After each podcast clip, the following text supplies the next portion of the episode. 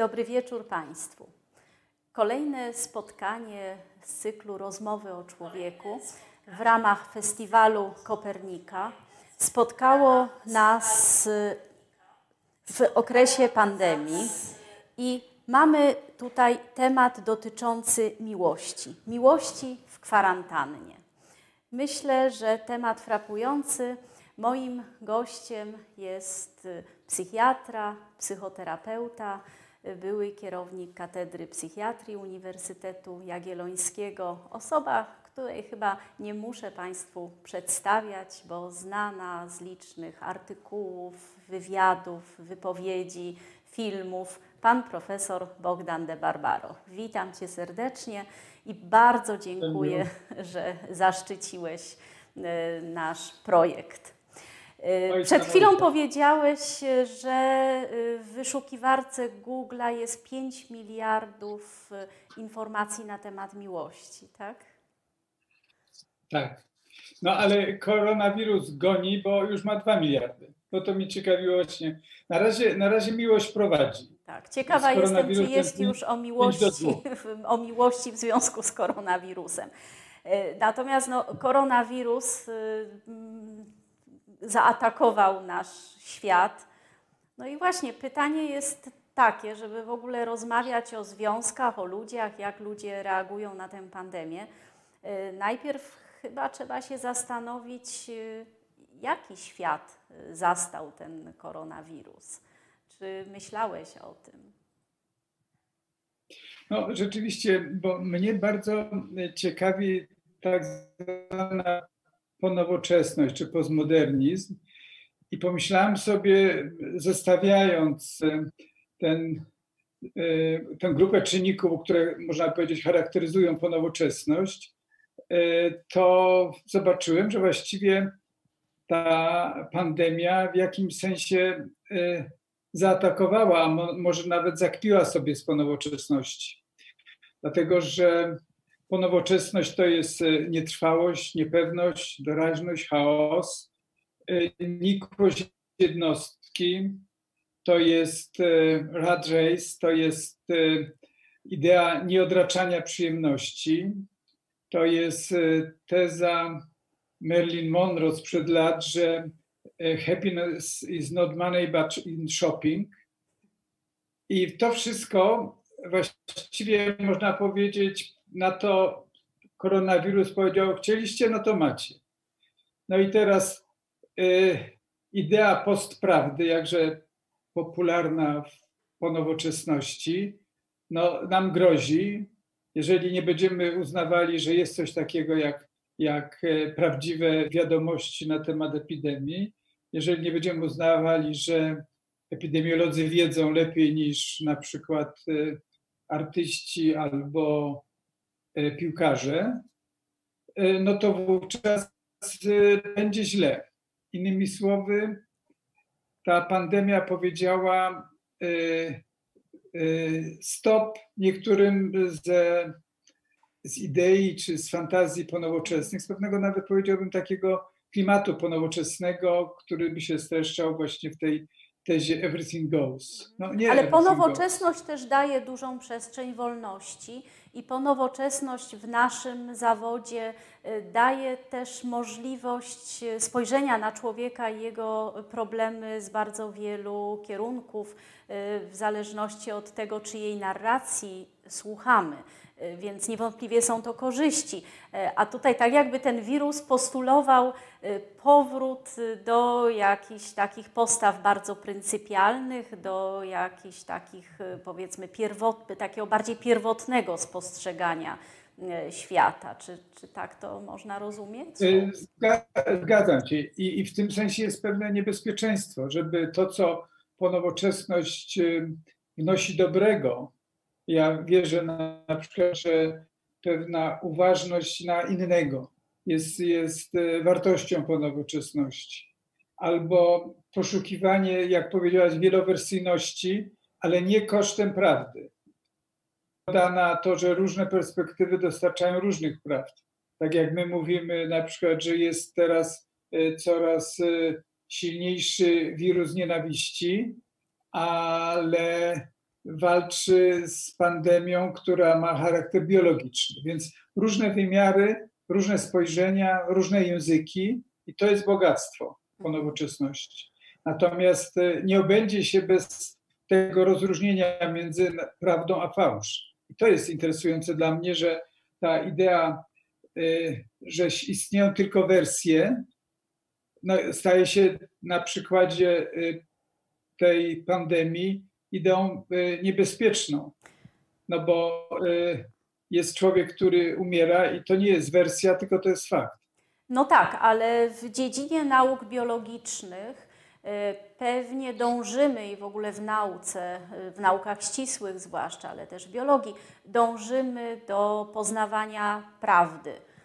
Jest prawdą, czy wirus ma w sobie RNA czy DNA. Jest prawdą, ile procent ludzi może umrzeć, i poszukujemy prawdy, jakie są czynniki ryzyka złego przebiegu choroby ale już w dziedzinie psychoterapii, psychologii czy, czy psychiatrii, którą się zajmujemy, już tutaj trudno jest mówić o jakiejś jednoznacznej prawdzie mm, obiektywnej. Y, no, myślę, że wiesz to najlepiej y, pracując całe swoje życie zawodowe z rodzinami, gdzie każdy ma swoją opowieść. I Trudno tak. zarzucić, że którakolwiek z tych opowieści jest kłamliwa. Jest inny punkt widzenia. Owszem.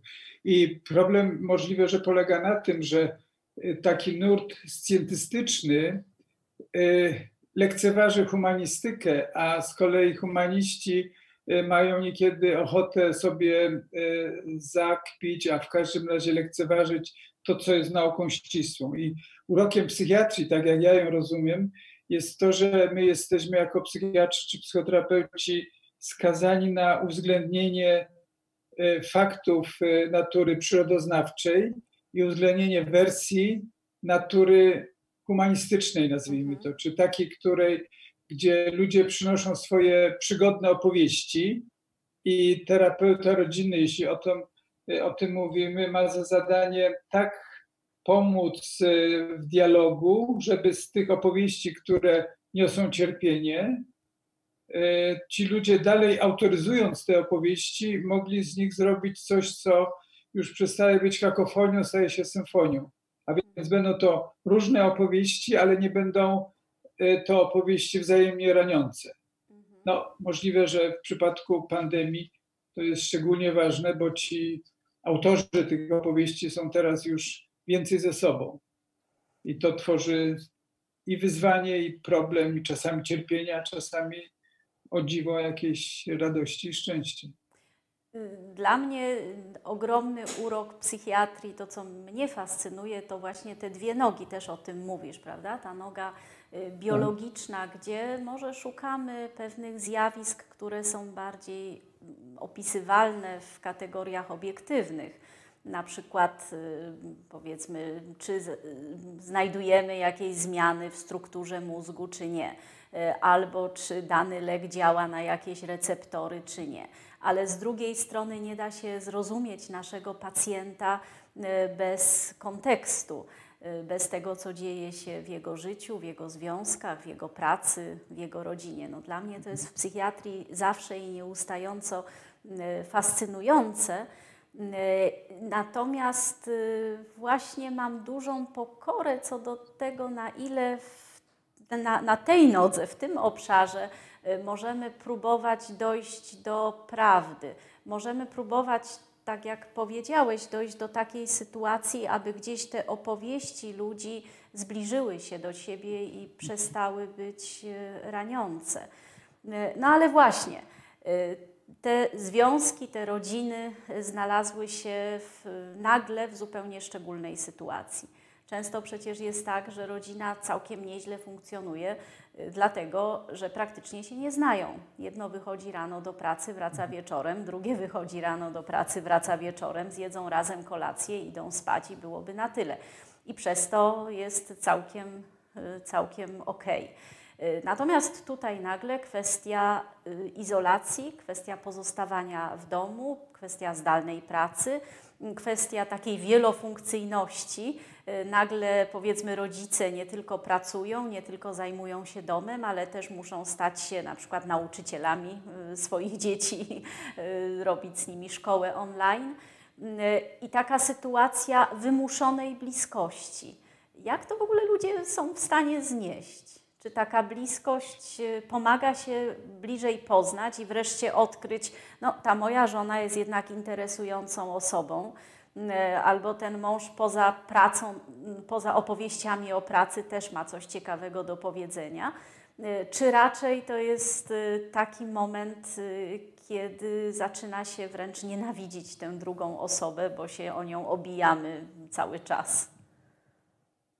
Ja, ja bym powiedział, że że są możliwe, uogólniając i upraszczając, takie dwie drogi, y, dwie możliwości, dwa rozwiązania. Jedna sytuacja to jest taka, że y, między y, małżonkami, weźmy taki przykład najprostszy, między małżonkami jest pewien rodzaj napięcia, łagodzony przez to, że właśnie jeden jest drugą, długo jednej pracy, druga osoba w drugiej pracy i tam spotykają się przy kolacji, jak dobrze pójdzie. I kiedy teraz są skazani na bycie w jednej przestrzeni na okrągło, to się okazuje, co jest pod spodem, bo ta wersja, nazwijmy to dotychczasowa, eksportowa, mhm. ta jak się ze sobą dotąd komunikowali, co sobie dawali, co brali od siebie, yy, okazuje się niewystarczająca i spod spodu, spod tej wersji takiej zadanej sobie nawzajem, wynikającej może trochę z tego, że że biegali za karierą, biegali za kasą, spieszyli się, żeby bardzo dużo rzeczy w jednym czasie zrobić. Spod tego wydobywa się, i tu się okazuje, czy się spod spodu, spod tego płaszcza codziennego chaosu y, wydobędzie na przykład czułość i potrzeba bliskości, czy się okazuje, że ten y, ciąg do kariery albo ten ciąg do stu przyjemności jednocześnie właściwie zakrywał agresję, bezradność, pustkę egzystencjalną i tym podobne kłopoty. A więc nazwijmy to w ten sposób, że pandemia zdmuchnęła tę warstwę zewnętrzną, no i wtedy się okaże, co, co tam było pod spodem. Czy, czy pod spodem była bliskość, ale wystraszona i dlatego jej nie było widać, bo poszli ludzie od siebie daleko, czy też napięcie frustracja, y, cała ta złość tłumiona i ona będzie wtedy już się stawała y, przemocą w czterech ścianach y, jednej jadalni czy jednej sypialni. No i wtedy bije grozą. Z Twoich doświadczeń tak psychoterapeuty masz teraz kontakt ze swoimi pacjentami. Pracujesz bardzo intensywnie cały czas. To z Twoich obserwacji uważasz, że raczej będzie y, baby boom czy boom rozwodów? To oczywiście tak y, y, brzmi atrakcyjnie. Rzeczywiście odzwierciedla to, co przed chwilą powiedziałam, czy, czy ci ludzie się ze sobą odnajdą i odnajdą swoją wzajemną czułość, czy też wejdzie w agresję i niszczenie się. Moje doświadczenie z tych paru e, terapii e, małżeńskich wynika coś, czego się e, na początku całej tej nowej burzy nie spodziewałem, mianowicie, że ludzie, którzy przyszli do terapii ze swoimi napięciami, ze swoimi konfliktami, raniąc się nawzajem, odnajdują siebie. Ja nie chcę tego ogólniać, że tak jest zawsze, bo jestem świadom, że jest bardzo dużo też przemocy w rodzinie, zwłaszcza tam, gdzie ta przemoc się tliła, no ale oni do terapeuty nie przychodzą. Do, do psychoterapeuty przychodzą te małżeństwa, które y, chcą coś zmienić, ale są bezradni, nie mają dobrego pomysłu, jak zmienić, żeby było im lepiej. No i, i sytuacja pandemii wymusza pewien namysł, wymusza pewne powiedziałbym nawet uspokojenie i pewną intencję zaglądnięcia w głąb. Tam się okazuje, że są zasoby, że na przykład y, można siebie nawzajem uważnie słuchać, można się podzielić obowiązkami domowymi tak, żeby nikt, nikt, nikt z tej pary nie czuł się jakoś wykorzystywany i żeby y, nie toczyła się gra takiej krzywdowiny wzajemnej, kto bardziej skrzywdzony, kto bardziej winny. Ale zdaję sobie sprawę, że, że mówię o ludziach, którzy mają intencję zrobienia czegoś i domyślałbym się, że do terapeutów rodzinnych nie trafiają ci, którzy mają y, niegotowość do zmiany, jeżeli to oczekują zmiany y, od tego drugiego, bo to ten drugi winny, a ja skrzywdzony czy skrzywdzona. W związku z tym moja wiedza jest taka zbajasowana, że tak powiem. Mhm. Ale y, dla mnie z tej całej historii morał jest taki, że y, ludzie często mają więcej zasobów niż się domyślają. Y, pandemia niekiedy wymusza podjęcie takiej akcji sięgania po swoje zasoby albo, albo doświadczenie tego, co czasami w żargonie z angielszonym językiem mówimy y, o takim resilience. Więc y, ktoś y, znajdzie w sobie więcej możliwości niż by się spodziewał, i to będzie możliwość na przykład lepszego dialogu. To będzie możliwość większej troski. To będzie możliwość zatrzymania się przy, dru przy drugim i zaciekawienia się nim. Więc pamiętając, że to jest próba nietypowa, raduje mnie, że ludzie mają więcej zasobów niż by się e, spodziewali, na przykład przychodząc po raz pierwszy do gabinetu. Związek czy rodzina składa się z poszczególnych jednostek. Każda z tych jednostek, każdy człowiek e, przeżywa teraz w tym kryzysie, w tej pandemii swoje własne emocje. E, wiele osób, przynajmniej takich, z którymi ja miałam do czynienia, przeżywa duży lęk lęk tak. dotyczący przyszłości, czy to się skończy, kiedy się skończy, jak będzie wyglądać świat po pandemii, czy przyjdzie druga fala i tak dalej, i tak dalej. Zresztą lęk podsycany y, przez to, że właściwie cały czas jesteśmy bombardowani.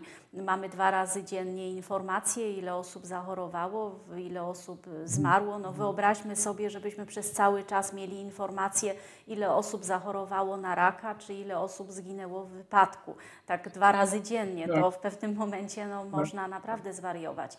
Więc y, jest, jesteśmy bombardowani tymi złymi wiadomościami i oczywiście one są potrzebne, natomiast to budzi lęk, to budzi jakąś grozę. Y, wielu ludzi przeżywa coś, co ja nazywam żałobą za dawnym życiem. No bo przecież ta mhm. pandemia napotkała na jakieś nasze plany, na jakieś nasze marzenia i nagle okazało się, że to wszystko jest takie, tak, takie kruche. Tu gdzieś mieliśmy mhm. wyjechać, tu mieliśmy się z kimś spotkać, tu mieliśmy coś załatwić. Nagle się okazuje, e, że jakieś zupełnie proste przyjemności, typu wypicie z przyjacielem kawy na rynku, jest po prostu nieosiągalne. I to, wywoły, to wywołuje żałobę. Nie chcę użyć słowa depresja, bo depresja to już jest choroba, to już jest e, coś, co należy leczyć, ale myślę, że właśnie tutaj e, słowo mm, żałoba, czy może w naszej nomenklaturze psychiatrycznej zaburzenia adaptacyjne mm, jest bardziej, to jest może bardziej adekwatne określenie. I teraz spotykają się w związku czy w rodzinie ludzie, dwoje ludzi czy kilkoro, kilkoro ludzi tworzących tę rodzinę, z których każdy ma swoje emocje, swoje żałoby, swoje frustracje, swoje lęki. I teraz tak mi się wydaje, że to jest y, bardzo duża sztuka, aby być ze sobą na tyle blisko, żeby te emocje przeżywać razem, a nie każdy osobno, każdy w swojej izdebce przecież bywa tak, że mm, małżeństwa rozpadają się po jakiejś traumie, po stracie, czy na przykład y, y, zdarza się, że na przykład choroba dziecka, czy nie daj Boże śmierć dziecka nie jednoczy, a wręcz przeciwnie, w bólu każdy ten ból przeżywa po swojemu i w końcu gdzieś to małżeństwo przestaje funkcjonować. No i pytanie, Y, co, co robić, aby taki kryzys, jakim jest pandemia, y, był w stanie scalić te y, nuklearne mhm. emocje, a nie żeby tak każdy w swojej wewnętrznej izdebce to przeżywał. Y, ja bym, zanim to na to pytanie spróbuję odpowiedzieć, chciałbym jeszcze dodać kilka nut optymizmu do, do tego Twojego komentarza. Mianowicie, po pierwsze, myślę, że co prawda nas bombardują tymi sensacjami tragicznymi, ale to od nas będzie zależało, jak często włączamy te wiadomości i czy dajemy się zasypać nimi, czy też czuwamy nad, swoim, nad swoją higieną psychiczną. Czy możemy zadbać o to, żeby na przykład raz na dobę, niekoniecznie śledząc każde województwo, jakie tam ma wskaźniki, czy R jest poniżej jednego, czy powyżej i co tam słychać w Brazylii czy w Stanach Zjednoczonych. I myślę, że to jest pewien rodzaj odpowiedzialności za e, samego siebie, za pewną, za pewną higienę psychiczną, i, I, to jest taka e, sytuacja, która niekoniecznie, jeżeli zadbamy o siebie, e, to niekoniecznie damy się wciągnąć w ten e, chaotyczny niepokój. Mhm. Możemy po prostu traktować siebie jak takiego przyjaciela, o którego mamy zadbać, żeby, żeby go ta cała zawierucha nie zmiotła. I Pytanie o to, jak ludzie w takim razie mają być ze sobą, będzie zawierać też ten element higieny, a gdyby to odnieść do samej komunikacji, to powiedziałbym tak, pytanie jest, czy umiemy pozostawać w dialogu. To tak brzmi bardzo patetycznie, ale, ale jest pewien zestaw e, e, reguł, które podpowiadają, jak być w dialogu. No, terapeuci właściwie zwłaszcza terapeuci rodzinni mają to jakoś w swoim e, zestawie szkoleń i potem zestawie umiejętności. Na przykład w dialogu, żeby być, to trzeba e, umieć e, wysłuchać tego drugiego, albo trzeba mieć szacunek do tego drugiego, właściwie nie tylko albo, tylko należało powiedzieć oraz. Jest umiejętnością dialogiczną tak ze sobą rozmawiać, żeby się wzajemnie nie unieważniać. Jest umiejętnością dialogiczną tak rozmawiać, żeby być w pobliżu mapy drugiej osoby. Jest umiejętnością dialogiczną nie zgadzać się, ale w sposób, który nie unieważnia drugiej osoby. No więc na Twoje pytanie odpowiadając, myślę, że, że kluczem będzie to, czy jest naszą ambicją E, zadbać o to, e, co jest dialogiem. I teraz będzie się to wiązało też z tą Twoją obserwacją, że właściwie jesteśmy skazani na tą żałobę za, za tym, co było. I zgadzam się, owszem, ale jednocześnie, jak nam się ta żałoba powiedzie, jak będziemy umieli przyjąć do wiadomości, że to senewrati, to wówczas może się okazać, że to, co przed nami, nie musi być takie gorsze. I nie mówię o, teraz o kryzysie ekonomicznym, nie mówię o, o wirusie nienawiści, mówię raczej o tym, że okazało się, że taki świat, który byliśmy mieli, taki świat oparty na przykład na e, hedonizmie albo świat oparty na e, tym, że shopping center był najważniejszy, taki świat, który oparty był na wyścigu szczurów, że ten świat w sumie okazał się no, nie taki fantastyczny, jakbyśmy się, y, jakby się wydawało i do którego przyzwyczailiśmy się. A więc możliwe, że ta pandemia każe nam na przykład zwolnić, każe się namyśleć nad tym, co jest w życiu ważne, co nieważne. Y, bardziej głęboko będziemy przyglądać się perspektywie y, egzystencjalnej. Możliwe, że skoro mamy mu mówić o miłości, to będziemy też mówić o, o tym, co określane jest jako miłość życia. To, o czym Epikuryjczycy mówili, jako pewnego rodzaju akceptacji drogi takiej, jak ona jest. A więc różne takie dobre lekcje też mogą płynąć.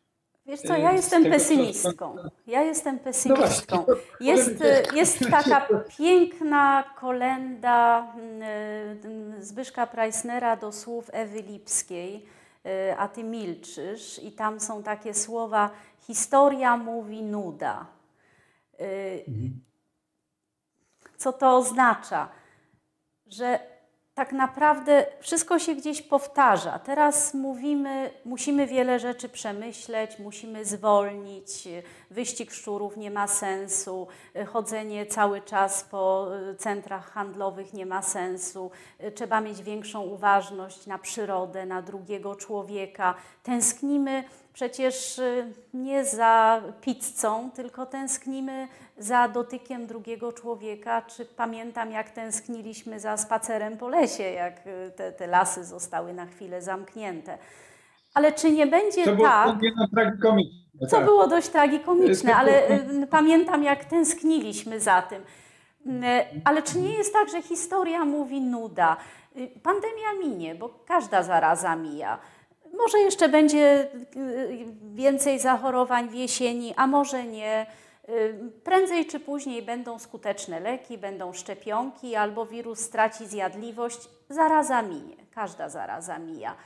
Y, ale i czy nie będzie tak, że stopniowo ludzie z powrotem zaczną biegać jak oszalali, że z powrotem zaczną konsumować, że z powrotem zaczną e, pracować ponad siły, e, nawet jeszcze z, takim, z taką racjonalizacją, no przecież muszę jakoś odrobić ten kryzys, odrobić te straty finansowe. Z powrotem przestaną mieć czas na zauważenie drugiego człowieka. I tak naprawdę nie zmieni się nic. To znowu z kolei piosenka Turnała, tak? Lecz naprawdę tak. nie dzieje się nic i nie stanie się nic aż do końca. Dominika, ja, ponieważ na ogół jestem pesymistą, to a skoro ty wzięłaś na siebie to zadanie bolesne, to ja chętnie troszkę pooptymistycznie sobie. Mianowicie, że e, zwykle jest tak, że poważne kryzysy wymuszają na, e, na nas e, nowe spojrzenie na to, co było i wymuszają tworzenie nowych projektów. Ja rzeczywiście mam taki kawałek w sobie, chociaż w jakim stopniu się, mam sobie taką część, która boleśnie zgadza się z tym, co mówisz, ale mam też sobie taką nadzieję, która mówi coś takiego. E, skoro widzimy, co się dzieje, skoro ten stosunek do tak zwanego innego, e, gdy jest e, stosunkiem odrzucającym, to jest skrajnym nonsensem. Skoro widzimy, że bez troski o drugiego, bez wrażliwości na cierpienie, skoro widzimy, że e, ten wirus szaleje ponad granicami politycznymi, ponad granicami narodowymi, to jednak ja wierzę, że może to być zaproszenie do e, kroku ku dojrzałości. Mówisz o e, uważności będzie... na innego, a przepraszam, że wchodzę w słowo, ale zobacz hejt na Azjatów, jaki się pojawił może nie w ostatnich dniach, ale na początku pandemii. To ci tak, Azjaci, tak. ci żółci, wstrętni przynieśli zarazę. Y, no, mhm. jest hejt na innego. Czy tak, historia tak, tak, nas tak, czegokolwiek tutaj... uczy? Czy kryzysy nas czegokolwiek uczą? No, może mm, to, to tak zupełnie na marginesie nie chciałabym iść w tę stronę, ale na, po, powinniśmy się byli raz na zawsze nauczyć, jakim dramatem był na przykład faszyzm. A zobacz różne skrajnie prawicowe ruchy i różne faszyzmy, które się w różnych rejonach Europy powoli odradzają. To jest przerażające. Czy rzeczywiście kryzysy nas y, uczą? No, e, oczywiście e, chciałbym jakoś bronić tej wersji optymistycznej. Z trudem to mi idzie, ale z czym się zgadzam, że jest taka, niedawno czytałem taką książkę Grünberga, e, Historia społeczna III Rzeszy. No to podobieństwa e, do tego, co się teraz dzieje w Polsce, w świecie, są dramatyczne. Nie ma wątpliwości, ale e, z kolei, żeby oprócz hejtu zauważać, ile pojawia się bezinteresownej troski ludzi o ludzi tak. ile pojawia się akcji, które wydobywają z nas po prostu patetycznie mówiąc dobro. Więc może dogadajmy się tak, że ta pandemia potrąca struny dobra i potrąca struny zła. Nie popadając w manicheizm, powiedzmy sobie, że zobaczymy, ale mm, ja chciałbym zatrzymać w sobie tą część y, wiary, choćby dlatego, że mm, to mogą być takie teorie samoobsługowe. Jak uznamy, że nienawiść zwycięży, to zrezygnujemy z wersji pod tytułem Nienawiści zawsze było wiele, ale nie musi zwyciężyć. Ale y, no niestety, jak mówiłem o tym wcześniej, ten y, wirus nienawiści jest dramatycznie złowrogi i dodatkowo e, możliwości technologiczne siania tego nienawi tej nienawiści są znacznie większe niż dawniej. To, to jest e, coś strasznego.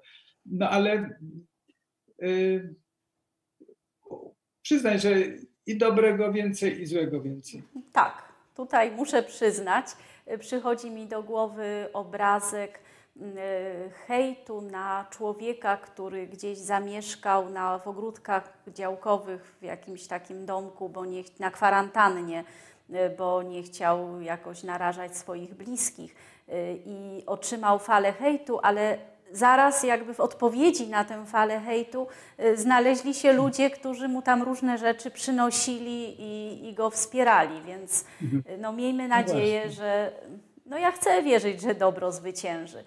Y, ale mnie zawsze fascynuje, jeżeli moglibyśmy jeszcze wrócić do tej skali mikro, to znaczy do rodziny, do związków.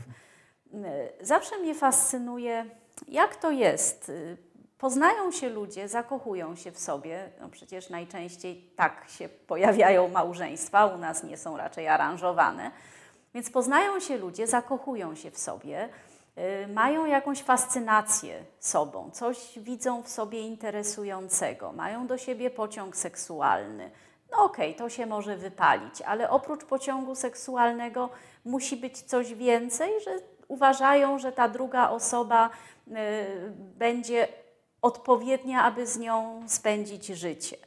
Y, my to ładnie nazywamy, po prostu kochają się i decydują się zostać razem. Jak to się dzieje, że mija jakiś czas i te same osoby zaczynają się nienawidzić. To, co było zaletą w oczach y, osoby, tego partnera, staje się wadą. To, co było pięknem, staje się brzydotą. Jak to się dzieje? Co się dzieje z tą ja się... miłością, która jednak była? Y, albo była miłość, albo było zakochanie, co, co nie jest tożsame.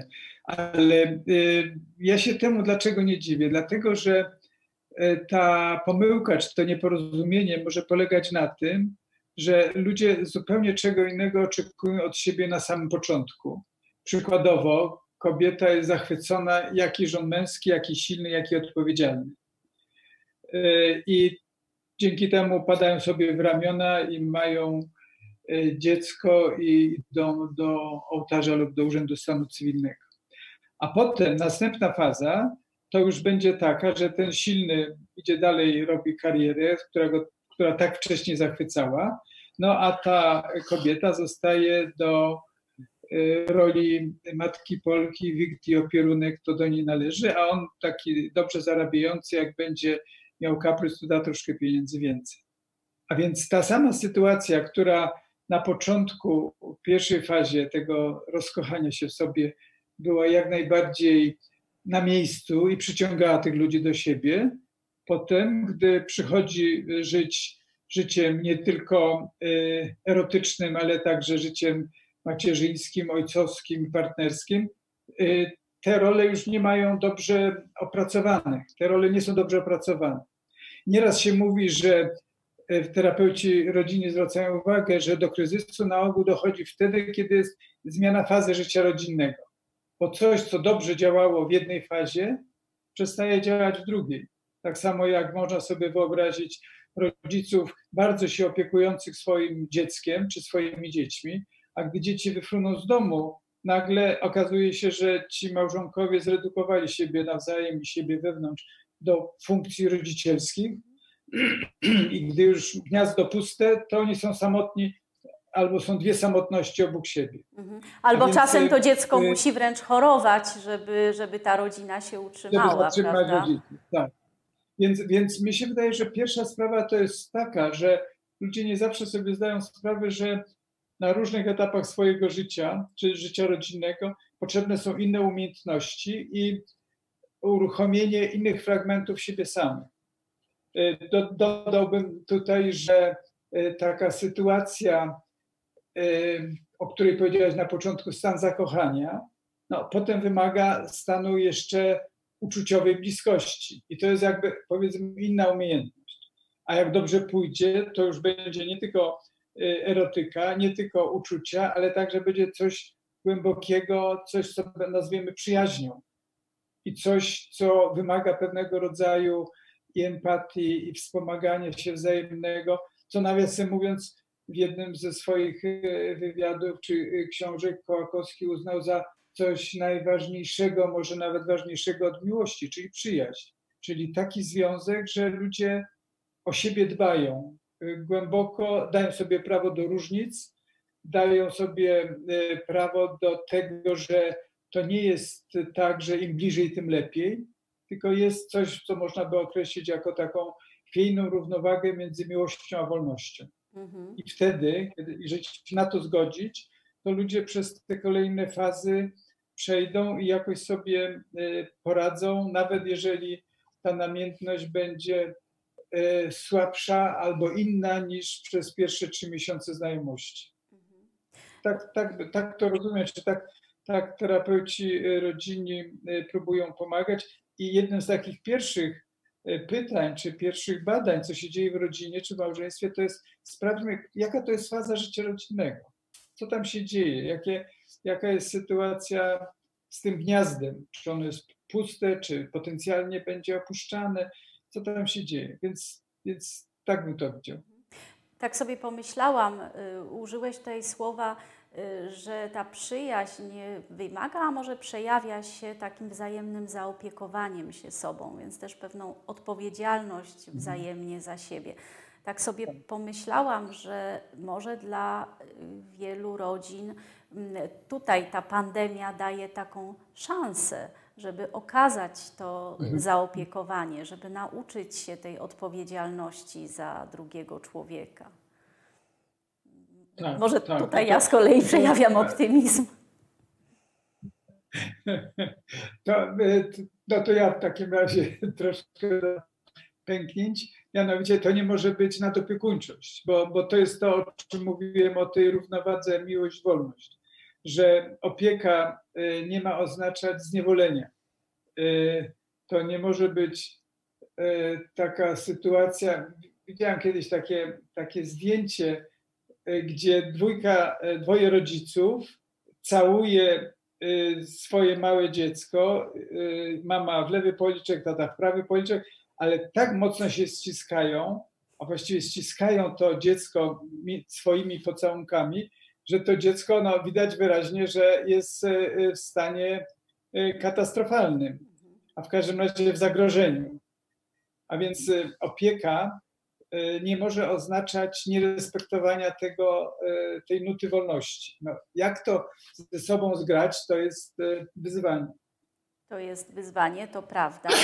Mm, tak sobie jeszcze pomyślałam o tej pandemii, że tak jak widzimy pewne fazy w rodzinie, jak dziecko, żeby czuć się w miarę bezpiecznie, żeby redukować swój lęk, Y, potrzebuje opieki rodzicielskiej, może się buntować, ale jednak dobrze, jeśli jest ktoś, kto wie lepiej i, i, daje jakieś nakazy, zakazy, daje jakąś strukturę. Natomiast czym bardziej to dziecko jest dorosłe, dojrzałe, tym bardziej musi samo przejmować odpowiedzialność za siebie, za swoje zachowania. I zobacz, jaka analogia jest do tej pandemii. Y, najpierw było mnóstwo zakazów. Myśmy mieli i mamy dokładnie mówione, czego wolno, czego nie wolno, ile metrów od siebie, a kiedy można wyjść, kiedy nie można wyjść. I zresztą bardzo tak karnie i odpowiedzialnie się do tego mm, zastosowaliśmy. Teraz... Ale zauważ, zauważ, że jedne dzieci były bardzo grzeczne i chciały być pogłaskane przez rodzica, że tak wszystko jest robione, jak tylko każą, a drudzy mówili, nie, ja już jestem nastolatkiem, który olewa to, co mówi y, mi y, rodzic. Przepraszam, przerwałem. Tak, y, pewnie tak. Natomiast w sumie, jako społeczeństwo, jednak zachowywaliśmy ten dystans społeczny i to, co symboliczni rodzice, czyli ci rządzący, jak, jak jacykolwiek by nie byli, nam mówili, przyjmowaliśmy trochę z dobrodziejstwem inwentarza, chyba żeby zredukować swój lęk, chyba żeby uwierzyć, no dobrze, ktoś wie lepiej, więc skoro mówią siedź w domu, to siedzimy w domu, skoro mówią y, ubierz maseczkę, to ubieramy maseczkę. To, że było w tym trochę chaosu, raz nie ubieraj maseczki, raz ubierz maseczkę, raz idź do lasu, raz nie idź do lasu, to jest inna sprawa. Ale generalnie potrzebowaliśmy dla złagodzenia naszego lęku pewnie E, takiego sterowania z zewnątrz. Teraz jest sytuacja inna, bo koronawirusa i osób zakażonych jest więcej. No bo te e, restrykcje pojawiły się, kiedy było kilka, kilkanaście, kilkadziesiąt przypadków. Teraz mamy no, cały czas około 300-400 przypadków dziennie nowych, ponieważ 80% ludzi choruje bezobjawowo to przy tej ilości chorujących jest coraz większa szansa, że na kogoś COVID dodatniego, kto nawet o tym nie wie, natkniemy się w sklepie, na ulicy, gdziekolwiek, a możemy wychodzić. Mm, I teraz jakby odpowiedzialność y, za nasze zachowania, za nasze zdrowie, życie przechodzi na nas, czyli tak jakbyśmy wchodzili w tę fazę dojrzewania, dorosłości. Nie wiem, czy widzisz taką analogię. No, Trudno y, się w tym odnaleźć, bo nie wiemy, co można, czego nie można. Tak. No właśnie, ta analogia zachodzi, y, chociaż y, ja mam mało tak budujących myśli w sprawie mechanizmów rządzących odwoływaniem tych restrykcji. Ja miałem poczucie, że, że odwoływanie restrykcji było funkcją pomysłów politycznych i mnie to nawet jakoś momentami oburzało, kiedy miałem wrażenie, że y, jak była idea 10 maja, to nagle wolno było do lasu chodzić. Ale to jest na marginesie, bo nie mamy dzisiaj politykować, tylko zobaczyć te związki między mezostrukturą a makrostrukturą i one rzeczywiście zachodzą. Y, ogólna teoria systemów na to zwraca uwagę. Bertalanffy o tym pisał kilkadziesiąt lat temu, że to, co się dzieje w małych systemach, dzieje się także w większych. Jest pewna przechodniość jednego piętra w drugie piętro i w drugą stronę także. Natomiast powstaje takie pytanie, czy to, y, że dzisiaj ktoś wychodzi na miasto albo nie wychodzi, czy spotyka się, czy nie spotyka, czy to jest kwestia tego, że już rodzica nie potrzebujemy i mamy własny rozum, czy też to jest bardziej reaktywne niż refleksyjne. Ja się obawiam, tu niestety znowu ześlizguję się w ten pesymizm, któremu starałem się nie dać wyrazu.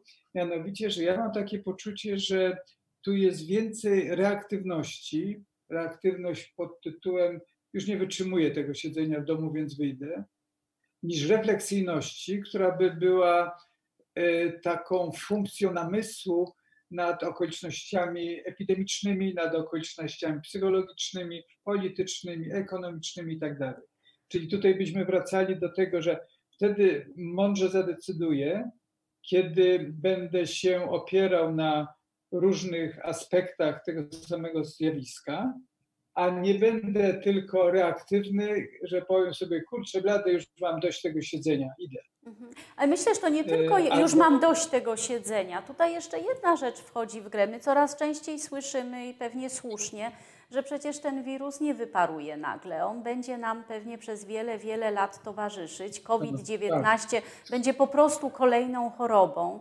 I no, zawsze mhm. będzie ryzyko, że spotkamy kogoś i się zarazimy. Y, czy to będzie za miesiąc, czy za rok, czy za półtorej roku? No może jeśli będzie odporność stadna, nie wiadomo kiedy, albo jeśli będzie szczepionka, nie wiadomo czy będzie. No ale generalnie to jest kwestia długoterminowa i trudno oczekiwać od kogokolwiek, że będzie Mhm. przez kolejny rok y, siedzieć w domu, czy przez kolejny rok nie Mhm. będzie Tak. odwiedzać rodziców. Więc może to jest racjonalne. Wiesz, ja to zawsze porównuję, Może- nie może- wiem czy trafnie, czy nie, ale ja to porównuję do tego, jak wiele ludzi ginie w wypadkach samochodowych albo jest rannych w wypadkach samochodowych. E, Może nawet rannych to lepsze porównanie, no bo w końcu na COVID nie wszyscy umierają, powiedzmy umiera około 6%. E, No więc jak wiele ludzi jest rannych w wypadkach samochodowych, a przecież to nie oznacza, żebyśmy nie jeździli samochodami, czy nie wychodzili, nie przechodzili przez ulicę. To oznacza y, to, że musimy stosować się do jakichś przepisów, musimy zachować ostrożność. Natomiast jeśli w nas wiedzie pijany kierowca, no to znaleźliśmy się w złym miejscu o złej porze i nie mamy na to wpływu. I chyba tak trochę powinniśmy zacząć myśleć y, o tym koronawirusie. Ja, ja się y, zgadzam z tym, że y, ten koronawirus y, jest w tej chwili dlatego taki groźny, y, że paradoksalnie my nie mamy na niego wpływu. A paradoks polegałby na tym, że to, na co mamy wpływ, no na przykład, żeby jechać ostrożniej na czerwone światło na skrzyżowanie nie wjeżdżać, to y, nie jest y, y, jakoś y, zabezpieczone. Mało tego, więcej ludzi ginie dlatego, że je za dużo, więcej ludzi ginie dlatego, że nie ma co jeść, więcej ludzi ginie dlatego, że pije alkoholu za dużo. No i to są, ten paradoks widzę w tym, że na to mamy wpływ, bo to od nas zależy, czy, czy będziemy za dużo jedli albo za dużo pili. Od nas zależy, czy tym, którzy głodują, damy część swojego, albo zadbamy o to, żeby oni mieli jak produkować żywność dla siebie. I tutaj jest, wydawałoby się, możliwy nasz wpływ na zwiększenie ilości dobra na świecie, a nie robimy tego. I w tym sensie będziemy się być może, to jest to pytanie, o którym rozmawialiśmy przedtem, na ile wirus nas czegoś nauczy. Czy on nas nauczy, że jesteśmy, mówiąc y, górnolotnie, wielką, jedną wielką rodziną, czy też wrócimy do swoich egoizmów? Y, i czy będziemy myśleli o koronawirusie jako takim nieszczęściu, y, który jest tak jak piorun strzelił, zabił, idziemy dalej, czy też dam nam jakieś myśli dotyczące w ogóle ludzi, tych z innych kontynentów, tych, którzy głodują, tych, którzy są bezradni. My jesteśmy europocentryczni i w związku z tym, y, jeżeli w pewnym momencie będzie szczepionka, to ta y, różnica między kraje biedne a kraje bogate będzie się wyrażała tym, że y, będzie ta szczepionka najpierw dla tych, którzy mają na nią pieniądze. No niestety Y, pewnie Troszkę tak. y, poszerzyłem Troszkę ten temat, tak, ale, ale ale chcę zwrócić uwagę na to, że rzeczywiście y, jakiś nowy pomysł na życie będzie potrzebny. y, Ja bym wracając... chciał, żeby to był pomysł, pomysł na życie, nazwijmy to tak, bardziej altruistyczny, bo nam się, mówiąc y, innymi słowy, nam się opłaca altruizm. Dlaczego? Dlatego, że jeżeli będzie zwyciężał egoizm, to zwycięży też nienawiść.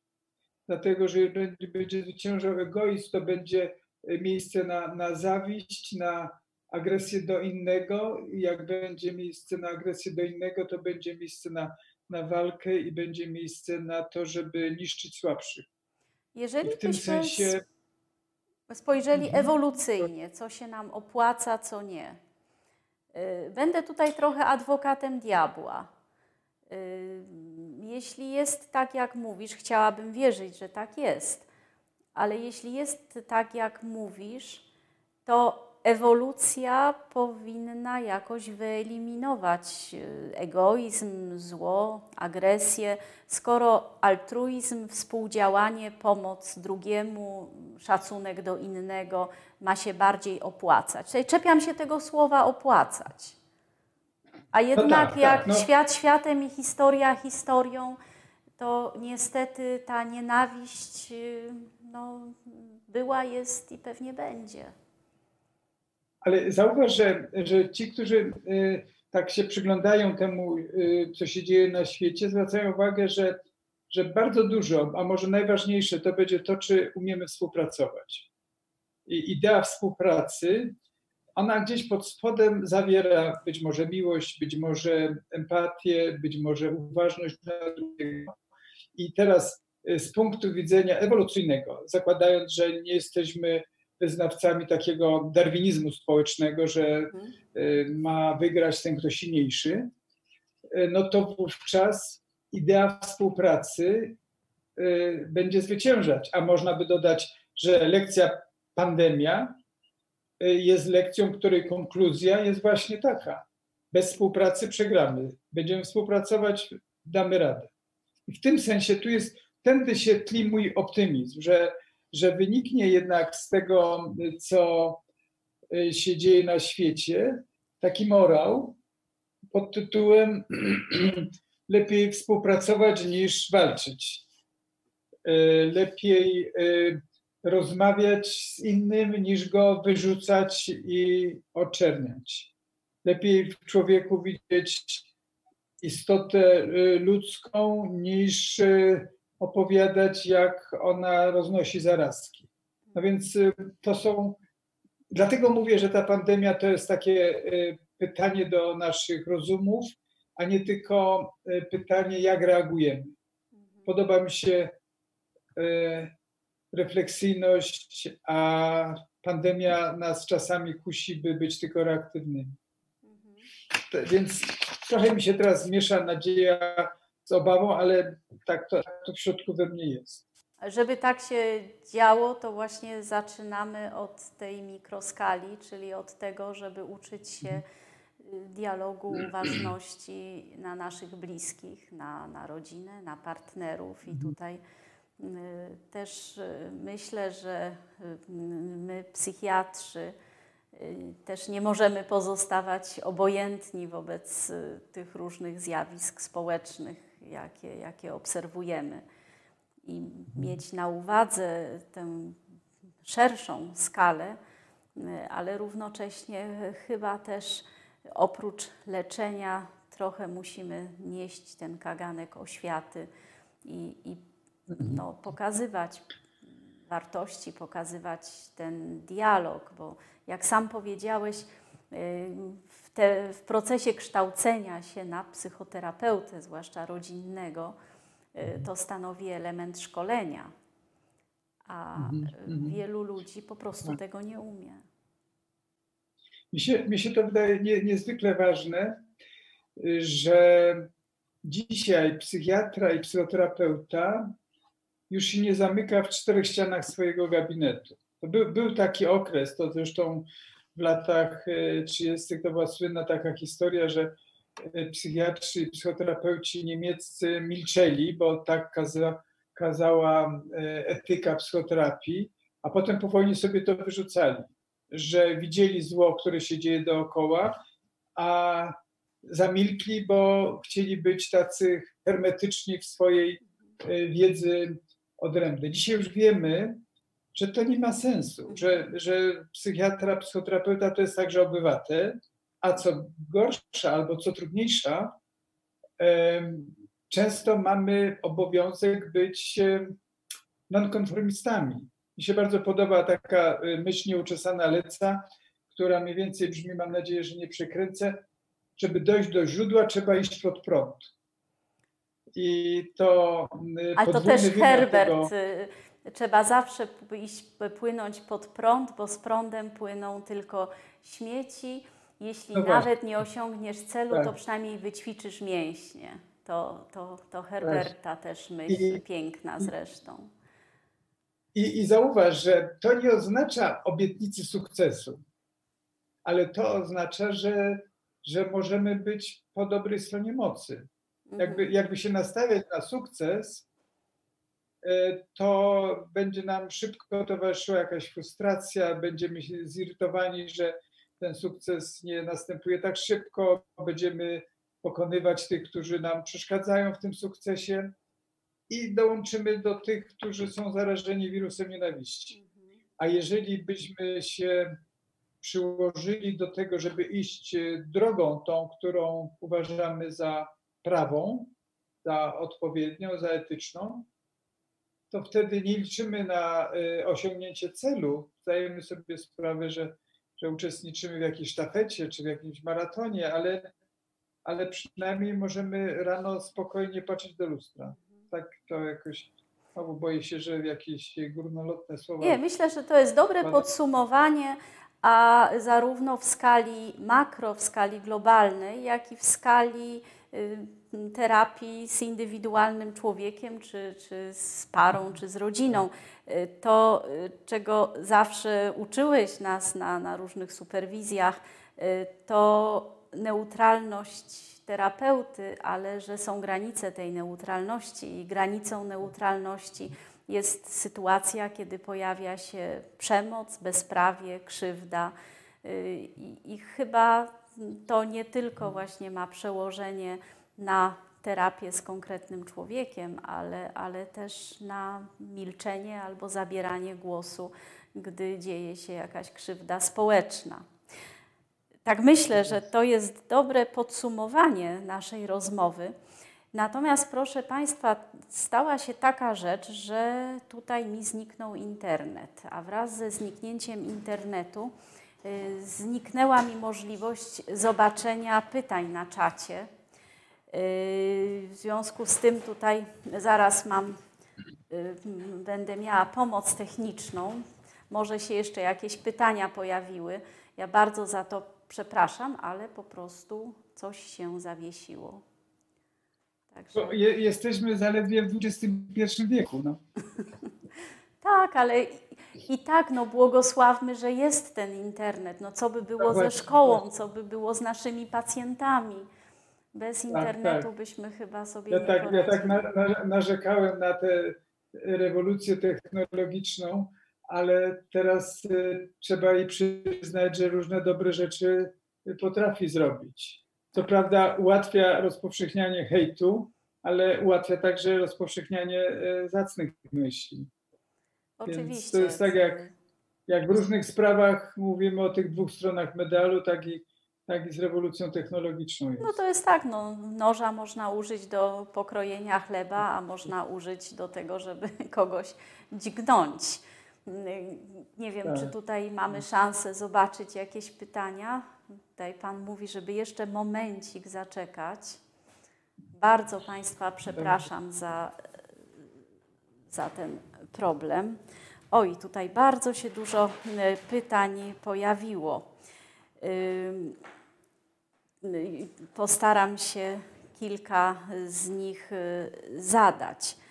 Y, czy w czasie zarazy jest ryzyko na powstanie nowych sekt czy innych instytucji manipulujących ludźmi? Czy zaraza może temu sprzyjać? Myślę, że bardzo ciekawe e, pytanie. tak. Ja bym e, powiedział w ten sposób, że e, zaraza ma trzy wektory jako skutki. Jeden skutek to jest do, drugi skutek to jest od, a trzeci skutek to może być nad. Przy czym ten nad może być toksyczny.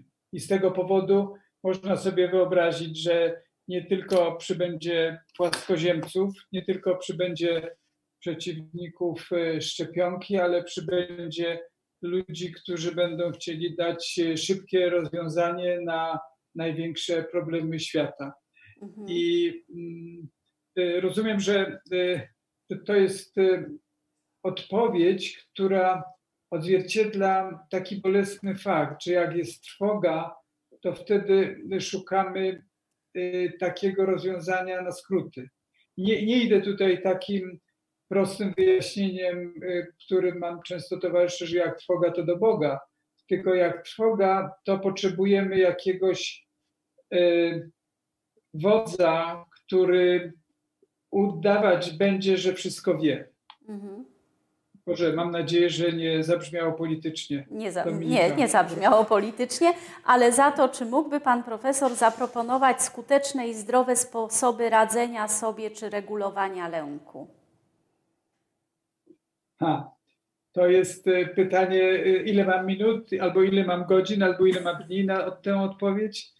No, ale e, tak żartem mówiąc, a serio mówiąc, po pierwsze, warto się zgodzić na to, że jest taki lęk teraz. To znaczy, nie tłummy go, nazwijmy go i znajdźmy mu prawo do choćby chwilowego istnienia. Bo jak ktoś powie, ja się niczego nie boję, a tam olewam pandemię, wirus taki mały to mi nic nie zrobi, to wcale nie znaczy, że tego lęku w, sobie nie będzie miał, tylko za ten lęk odpowie na przykład żołądek albo ból głowy, albo jakieś inne objawy psychosomatyczne. Więc wersja, w której zaprzeczamy lękowi, byłaby nieadekwatna. Mhm. Natomiast najpierw trzeba ten lęk y, przyjąć, bo to jest y, sytuacja, nie wiem, czy powiemy to, że jest lęk, czy to jest strach.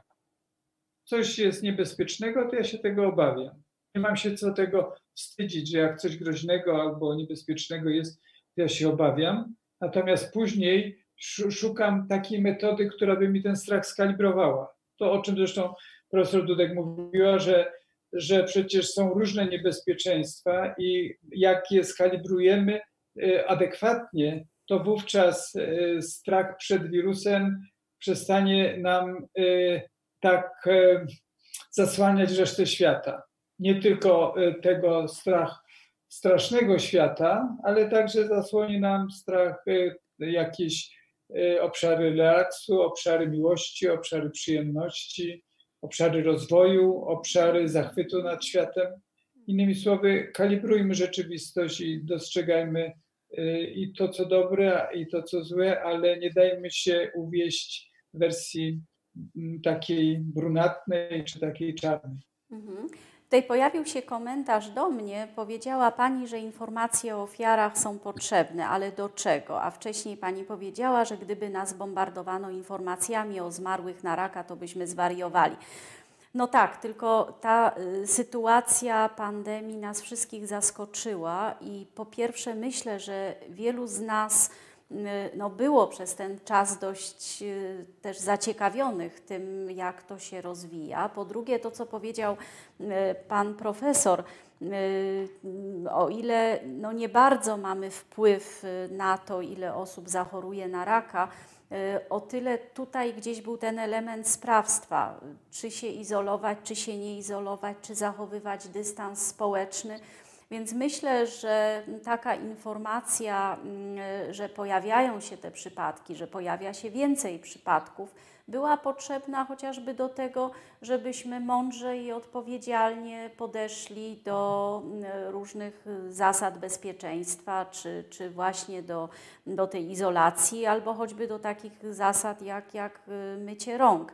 Natomiast to, co mnie cieszy, to że teraz y, od pewnego czasu Y, oprócz tego, że pojawiają się informacje, ile osób zachorowało i zmarło, też pojawiają się informacje, ile osób wyzdrowiało.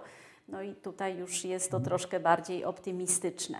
Jest tutaj kilka takich pytań, które mm, nawiązują do tego fragmentu naszej rozmowy, kiedy mówiliśmy o zakazach jako analogii do opieki rodzicielskiej i że w sytuacji lęku na początku pandemii trochę zregresowaliśmy się do bycia dziećmi i potrzebowaliśmy instrukcji od kogoś, kto, kto, kto wie lepiej w, w naszym mniemaniu, co robić. I tutaj jest parę pytań Y, że jeśli teraz ma być faza dorosłości, to czy różne przymusy, które nadal są, przymus państwa, czy to służy procesami, procesowi przechodzenia y, w dorosłość? Y, I czy aktualna sytuacja nie jest podobna do relacji z toksycznymi rodzicami, Y, którzy interweniują pomiędzy dojrzałą relację miłosną dwojga y, ludzi. I jeśli tak, to czy różne działania podejmowane przez instytucje nie prowadzą do takiej, y, patolo, do takiej patologizacji? Ja rozumiem, że to pytanie zawiera takie dwa wątki. Jeden wątek polityczny, a drugi wątek dotyczący no, faz rozwoju rodziny. Na ten drugi temat to powiedziałbym w ten sposób, że wtedy jestem dorosły albo wtedy jestem dojrzały, kiedy spośród e, zakazów i nakazów rodzicielskich wybieram te, które e, uważam za słuszne. I takie żartobliwa, taka żartobliwa definicja e, dojrzałości brzmi: dojrzały to jest ten, kto robi coś, nawet jeżeli się to rodzicowi podoba, albo nawet jeżeli rodzic to sugeruje, żeby zrobić. A więc nie, y, nie to powinno być y, wskazówką, czy jestem za rodzicami, czy przeciwko rodzicom, tylko to powinno być wskazówką, czy ja to, co y, chcę zrobić, jest poddane refleksji, jest moim zdaniem sensowne i nie.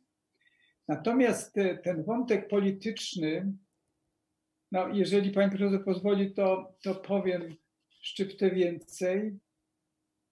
E, jeżeli rodzice są toksyczni, to znaczy, jeżeli na przykład e, dla utrzymania władzy rodzicielskiej są gotowi e, dbać o to, żeby ich dzieci dalej byli, dalej były w takiej fazie dziecięcości, to mnie to niepokoi. Mhm to uważam, że to jest przeciwko e, rozwojowi rodziny. I ja ten niepokój e, w swoim sercu i rozumie e, mam. No, chciałem być taki elegancki, nie wiem, czy mi się udało. Udało ci się, udało ci się.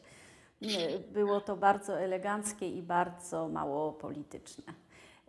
Jest tutaj. No nie, tak nie chciałem, tak nie chciałem. Troszkę miałem Y, jeśli chciałby Pan wierzyć w dobroczynność naukowców, to jak się Pan odniesie do przepisu władz izolującego od, sie, y, od siebie podstawową relację społeczną, czyli dystans 2 metry między małżonkami spacerującymi? Y, no, dystans społeczny mierzony w metrach jest homonimem, dlatego że jest też coś takiego jak dystans społeczny mierzony uczuciowo, bliskościowo i przeżyciem.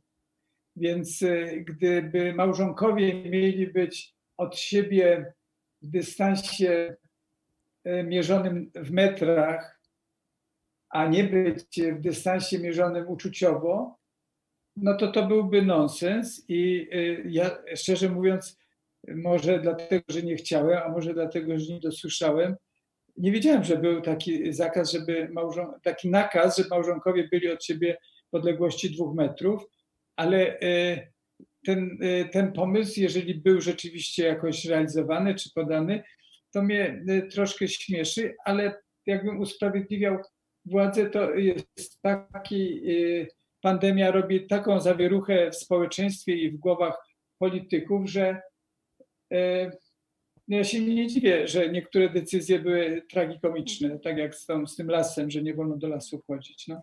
Ja też może Więc... trochę tak e, bym rozumiała taką decyzję, że jeśli różni ludzie spacerują i niektórzy z nich spacerują przytuleni blisko siebie, no to przecież trudno weryfikować, Y, czy, czy to jest małżeństwo, czy nie małżeństwo. Nawet nie mówię o weryfikacji w celu, przez powiedzmy policję w celu dania mandatu, bo nie o to chodzi, y, tylko raczej w celu no, y, dania przykładu, że trzeba w jakimś tam dystansie od siebie być. Ja to tylko tak rozumiałam. Ja tutaj jeszcze się odniosę, bo tutaj Pan skomentował moją odpowiedź o, o tych Y, chorobach, że rak był tylko przykładem, są też inne choroby, których leczenie wstrzymano, więc i tak wydaje mi się to nielogiczne. Y, tutaj y, myślę, że może się troszkę źle zrozumieliśmy, bo, a tutaj bardzo ważne, Pan pisze bardzo ważną rzecz, że choroby, których leczenie wstrzymano. Myślę, że potrzebne byłyby analizy. Nie wiem, czy one w tym momencie y, są dostępne, na jaką skalę są dostępne. Y, myślę, że jakaś, jakiś pełen ogląd, pełny ogląd sytuacji y, pojawi się no, w przyszłości ale powinniśmy poznać i społeczeństwo powinno poznać analizy kosztów pandemii. I to nie tylko mhm. kosztów ekonomicznych, ale też kosztów zdrowotnych bo no, tak rozumiem z tego, z tego komentarza, e, że Pana niepokoi, podobnie zresztą jak mnie, to, że przecież w czasie pandemii ludzie nie przestali chorować na wszelkie inne choroby, a i dostępność do diagnostyki, do leczenia, do planowych operacji no, była znacznie, znacznie mniejsza. Więc tutaj Uważam oczywiście, że mm, powinniśmy takie informacje poznać. Mm, I nie, nie to miałam na myśli, mówiąc, że gdybyśmy się dowiadywali o ilości osób z rakiem, to byśmy zwariowali. To był tylko taki y, przykład, że poza pandemią, w życiu przed pandemią, w nazwijmy to normalnym życiu, no przecież nie idzie na pasku, y, ile osób na co choruje, ile osób umiera dziennie, ile osób na co umiera. To chyba byłoby rzeczywiście jakieś takie dla nas wszystkich dość traumatyczne, ale zgadzam się, że y, za jakiś czas analizy kosztów pandemii, kosztów zdrowotnych w, stosunku, w odniesieniu do innych chorób, no, byłyby potrzebne. To taki jeśli, jeśli mogę dodać y, jeszcze do, do tego taką myśl, że y, ta sytuacja pandemiczna jest na tyle nowa, na tyle wieloczynnikowa, na tyle trudna do mm, objęcia rozumem, że ja potrafię zrozumieć, kiedy y, władza jest w jakimś sensie nieporadna albo w jakimś sensie uwikłana w błędy strategiczne. Natomiast nie potrafię zrozumieć, albo potrafię zrozumieć, ale oceniam jako niecnotę, kiedy poczynania dookoła pandemii są uwarunkowane politycznie. Że to, to mnie oburza i były niestety takie zachowania polityków, które wskazywały, że pandemia miała być pewnego rodzaju wehikułem, wehikułem albo e, tak e, miała być niezauważana, po to, żeby jakieś cele polityczne rozwiązywać y, czy realizować. Nawet nie jestem pewien, czy przypadkiem nadal tego typu niecnota się nie dzieje na naszych oczach. Tak jak patrzę, to pojawiają się jeszcze inne pytania, które są dość podobne, czy są komentarzami do tego, o czym już mówiliśmy. Y, w związku z tym, Myślę, że jest czas, abyśmy się już pożegnali. Y, bardzo Ci serdecznie dziękuję za, za Twoją obecność, za rozmowę, ale też bardzo Ci dziękuję w ogóle za Twoje liczne wypowiedzi i to, co mm, piszesz i w Gazecie Wyborczej, i w Tygodniku Powszechnym. Y, I, i no, no za te wszystkie mądre rzeczy, których nas uczysz, które mówisz. Y, a jeszcze do tego masz y, dar pisania i wypowiedzi i rzeczywiście mam nadzieję, że to, co mówisz, ma szansę trafiać do ludzi i ja bardzo Ci za to dziękuję. Dziękuję bardzo. Teraz jak mi tyle dać komplementów, to będę musiał szukać jakiejś lekcji pokory, ale gdzieś rychło na pewno znajdę. W każdym razie dziękuję za rozmowę z Tobą. Dziękuję Państwu, a jutro zapraszam na kolejną rozmowę, również o godzinie 18 będzie rozmowa z Panem Profesorem Jerzym Hausnerem. Będziemy mówić o ekonomii, będziemy mówić o kryzysie. Ja sama kompletnie się na tym nie znam, więc będę chciała się dowiedzieć, no, co tak naprawdę nas czeka i jak, jakie będą mechanizmy kryzysu i w ogóle jakie są mechanizmy kryzysów. Także bardzo zapraszam Państwa na jutro.